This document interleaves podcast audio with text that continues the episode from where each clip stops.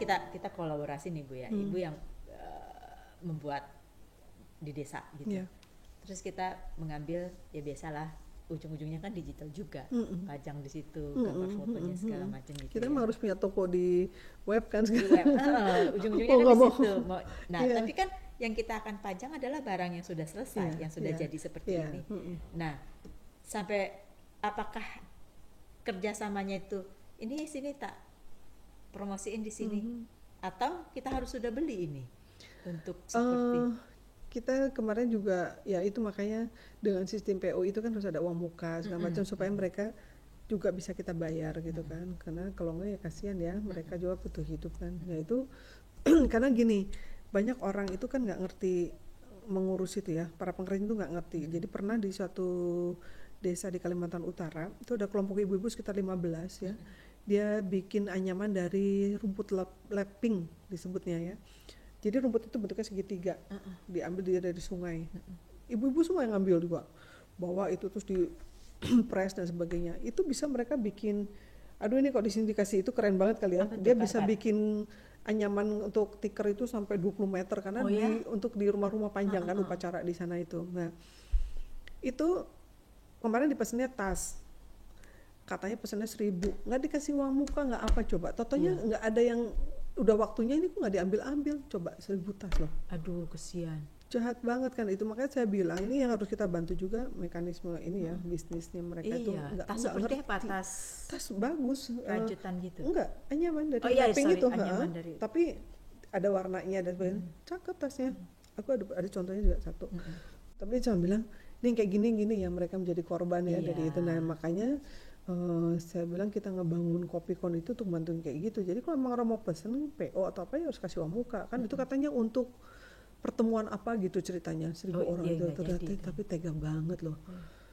Terus gimana bu? Ya udah kita tawarin ya jualin ke orang-orang ya dengan ya udah nih 50 sekian aku beli misalnya terus aku jual di pasar aku juga jual lagi kayak gitu. Nah kan kan kesian, ya kayak Kesian, gitu. iya. nah ini banyak mereka tidak paham apa mengurus keuangannya terus mungkin tata cara ya kalau ada orang pesan seribu ya masa sih dia harus kasih uang muka dulu Iya lah dong, paling nggak minimal untuk bahan Itu- baku ya Percaya banget sih. Iya ya. gitu. Dan mereka sering kali juga kelemahan dari orang-orang yang sangat polos ini adalah tidak menghitung jasa mereka. Harusnya mereka menghitung gajinya juga kan. Betul. Gitu. Terus kadang-kadang mereka oh ini kan bikin sendiri terus eh, itunya juga tinggal ambil ini ini soal tapi kan lu ngambilnya jam 4 pagi ya Iya. gitu lu kan mesti bangun terus gitu ngurusin itu semua bayangin yang mulai dari bahan baku sampai nganyamnya sampai jadi Dia kayak gitu kan sendiri. itu dia sendirian gitu harus digaji dong dirinya itu jasa dia kan Nah, harus itu, digaji itu Enggak, dibutuhkan tuh, Bu. nah itu ini yang yang harus oleh mereka. Iya, ini itu yang kita ajarin juga ke mereka.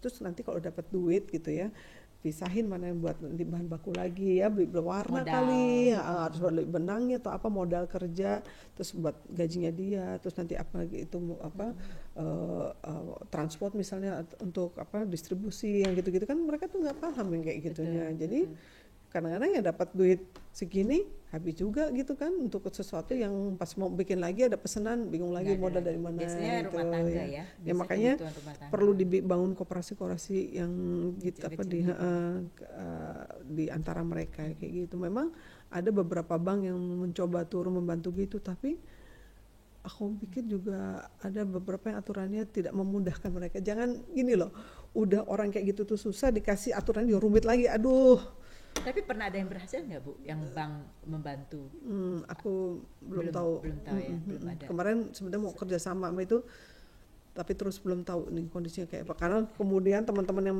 sekarang gabung ke pariwisata kan berubah struktur Iya, lagi betul. yang tadi nanganin itu jadi megang apa-apa jadi Iya, dia nggak jadi eh, tidak ada belum tahu Karena lagi setahun, terus- setahun ya, ini udah hampir setahun ya Bu ya? Setahun ya? Iya kita kan eh, bubar terus gabung itu kan bulan Oktober Oktober, ah, Mm, Oktober, Oktober. September. udah hampir setahun jadi memang sangat tidak mudah gitu melakukan penggabungan itu membagi lagi kerjaannya dan sebagainya itu tuh ya Jadi itu. boleh dibilang eh, ini vakum lah ya ya untuk karena ini. Eh, eh, karena kemarin eh, kayaknya anggaran juga lebih diarahkan untuk penanggulangan COVID, dulu COVID, kan iya. gitu. Eh, jadi ya memang eh, harus memilih di antara ya di antara mana yang kayak bunga si top kayak bunga si ya.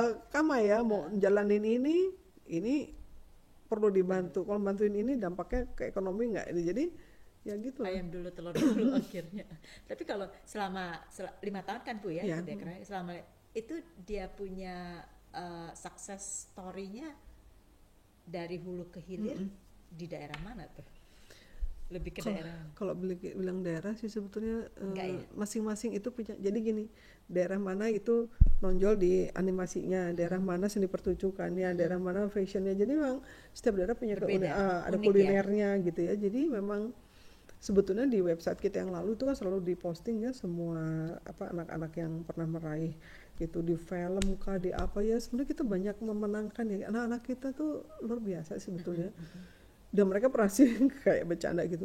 Oh kita kalau nggak diperhatiin sama pemerintah tinggal angkat koper kok bun. Karena anak kreatif mah di mana aja ya dia bisa bisa hidup gitu ibaratnya. Jadi eh, sebetulnya eh, memang pemerintah harus harus memberikan fasilitas lah untuk mereka untuk berkembang. Mereka bukan anak cengeng yang minta ya minta duit itu nggak? Bukan itu. Tapi mudahkanlah mereka untuk melakukan sesuatu yang misalnya ada mentok di masalah apa gitu ya di di masalah yang sebenarnya mereka dana itu kan akhirnya belakangan ya. Heeh. kalau anak kreatif kan bun aku tuh udah bikin gini gini gini. Dia nggak sekarang mm-mm, eh, gimana ya mau ngembanginnya ke sana? Aku tuh butuhnya gini gini. Nah itu mereka nggak mampu di situ. Harusnya kita datang di situ. Kan beda kalau anak manja. Kamu apa? Pengen bi- eh, ini eh, jualan pisang goreng terus? Iya nggak punya modalnya. Itu kalau sekarang aku kasih modal kamu satu juta kamu bikin apa apa dulu ya? Ini ya Nah, masih bingung, mikir nah mau bikin pisang goreng harus punya kompor ini ini pikirin itunya. Nah itu Betul. kan karena dia nggak ngerti nggak nggak punya konsep. Tapi kalau anak itu kan udah jalan, jalan dulu nyoba gini ini baru bilang gua tuh sekarang gini mentoknya nih gitu. Dan itu hanya bisa pemerintah yang bantu karena apa? Artinya apa? Harus ada kebijakan kah di situ untuk memudahkan dia ekspor barangnya atau apalah yang memang udah bukan ranah dia gitu. Memang udah ranahnya pemerintah harus turun di situ. Kayak gitu. Nah ini yang fasilitas yang kayak gini dibutuhin mereka. Iya, betul ini. Mm-mm. kayak kemarin nggak bun aku udah menang nih masuk ini tapi kalau untuk harus berangkat ke sana biayanya aku nggak ada nih gitu. Karena biaya PP-nya harus sendiri gitu. Kalau sampai sana sih aku bisa survive lah nanti gini-gini apa ya. Nah waktu itu Pak Triawan juga bilang Bu Popi kalau ada yang anak-anak yang footwear atau apa gitu dukung deh gitu. Karena kita kan 250 juta loh kita. Iya. ahli sepatu kita nggak ada gitu gini. Padahal anak-anak itu banyak sekali dari komunitas yang footwear itu. Ya dan setiap hampir setiap tahun kita ngirim kayak gitu tuh lumayan udah tiga tahun itu kemarin berjalan dengan baik. Mereka langsung bikin ini jadi produk-produk Dapat lokal kan jadi eh, jadi kita kan juga sekarang kan banyak ya ini produk lokalnya sepatu-sepatu kayak gitu. Jadi sa- sama, sama seperti yang tadi cerita yang kerjasama sama eh, ini apa namanya eh, mantan yang penyakit eh, kusta kusta. kayak gitu.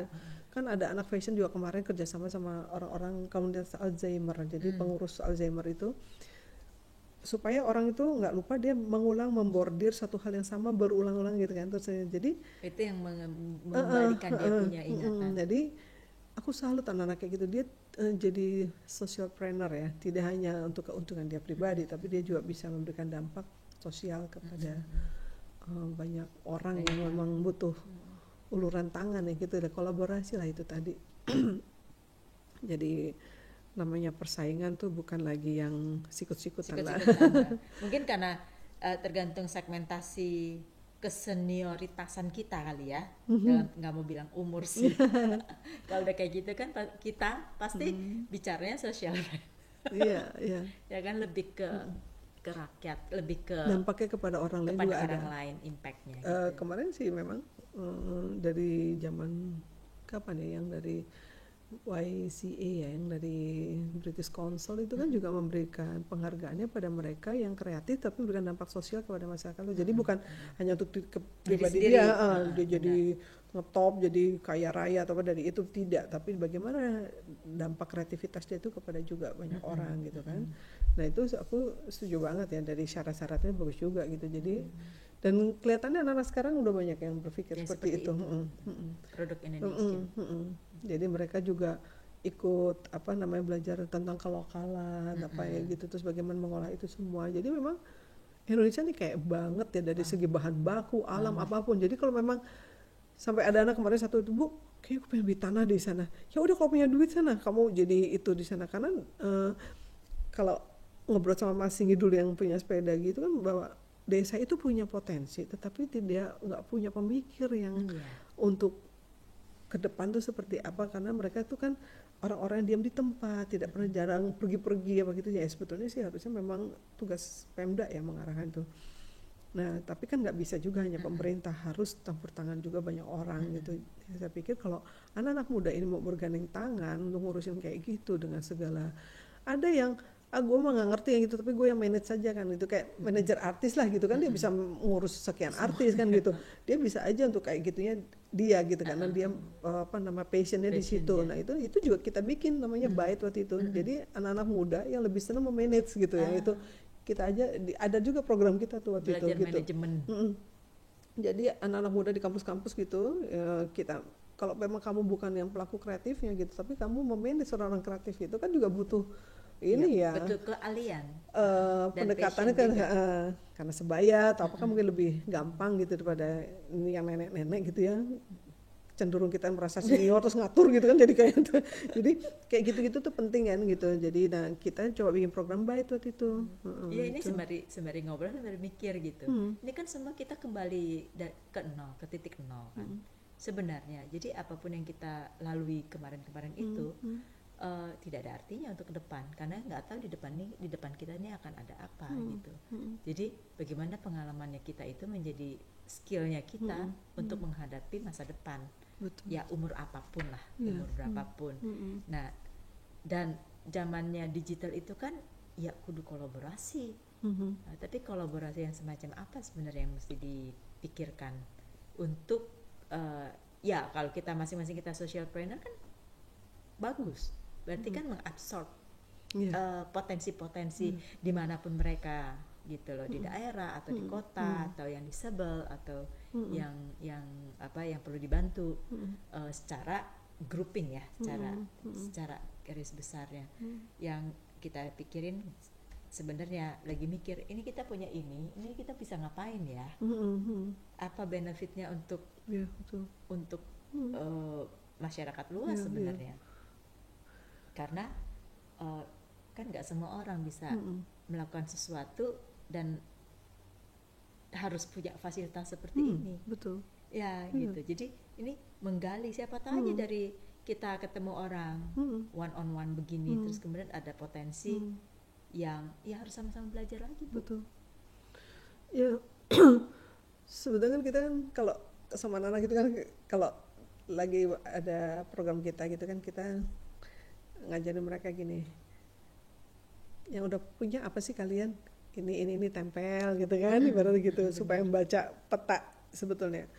Terus eh, apa fasilitas yang ada di luar kita apa ini ini ini ini gitu kan. Kalau memang butuh jalan raya kah butuh apa bisa Betul. tulis terus untuk menuju sampai sini butuh apa aja tulis gitu. ternyata ada but- ada ternyata dari apa yang kita butuhkan udah ada ini ini ini yang belum ada ini. Nah, nah, itu. ini tinggal tanda siapa?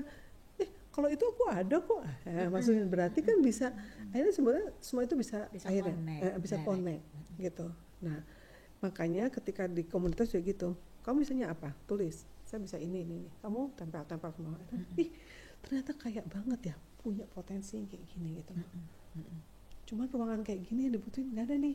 Eh, kan di sini Mbak Lucy tinggal deket sini. Mbak Lucy punya itu. Kita kontaknya boleh nggak sih? Iya, nah benar. semacam gitu Mbak. Betul betul. Kenal sama aja. Kita juga daftar. Betul. Popi kenal Mbak Lucy ken- yang punya Betul, ini. kenal ini punya truk ini Benar, punya sound system. Kenal Benar. si ini punya ini. Mm-mm. itu juga kenalan kita jaringan kita kita tulis Tulisin. kumpulin. Karena kita mau ke sini tuh butuh itu kan gitu. Oh ternyata inget. Ada aku punya si ini, ini, ya ya, terus uh, uh. Si satu lagi coba kenal oh aku punya tuh yang bisa ah, ini dia dia arsitek terus ini kumpulin lagi gitu. Betul, nah akhirnya kita kita petakan jaringan itu. Ternyata Ih, besar. ada. Besar. Kita bisa bisa tuh kerjain itu. Kita panggil ya kita rapat duduk bareng ngomongin. Ternyata sepakat. Jalan dong. Kan gitu.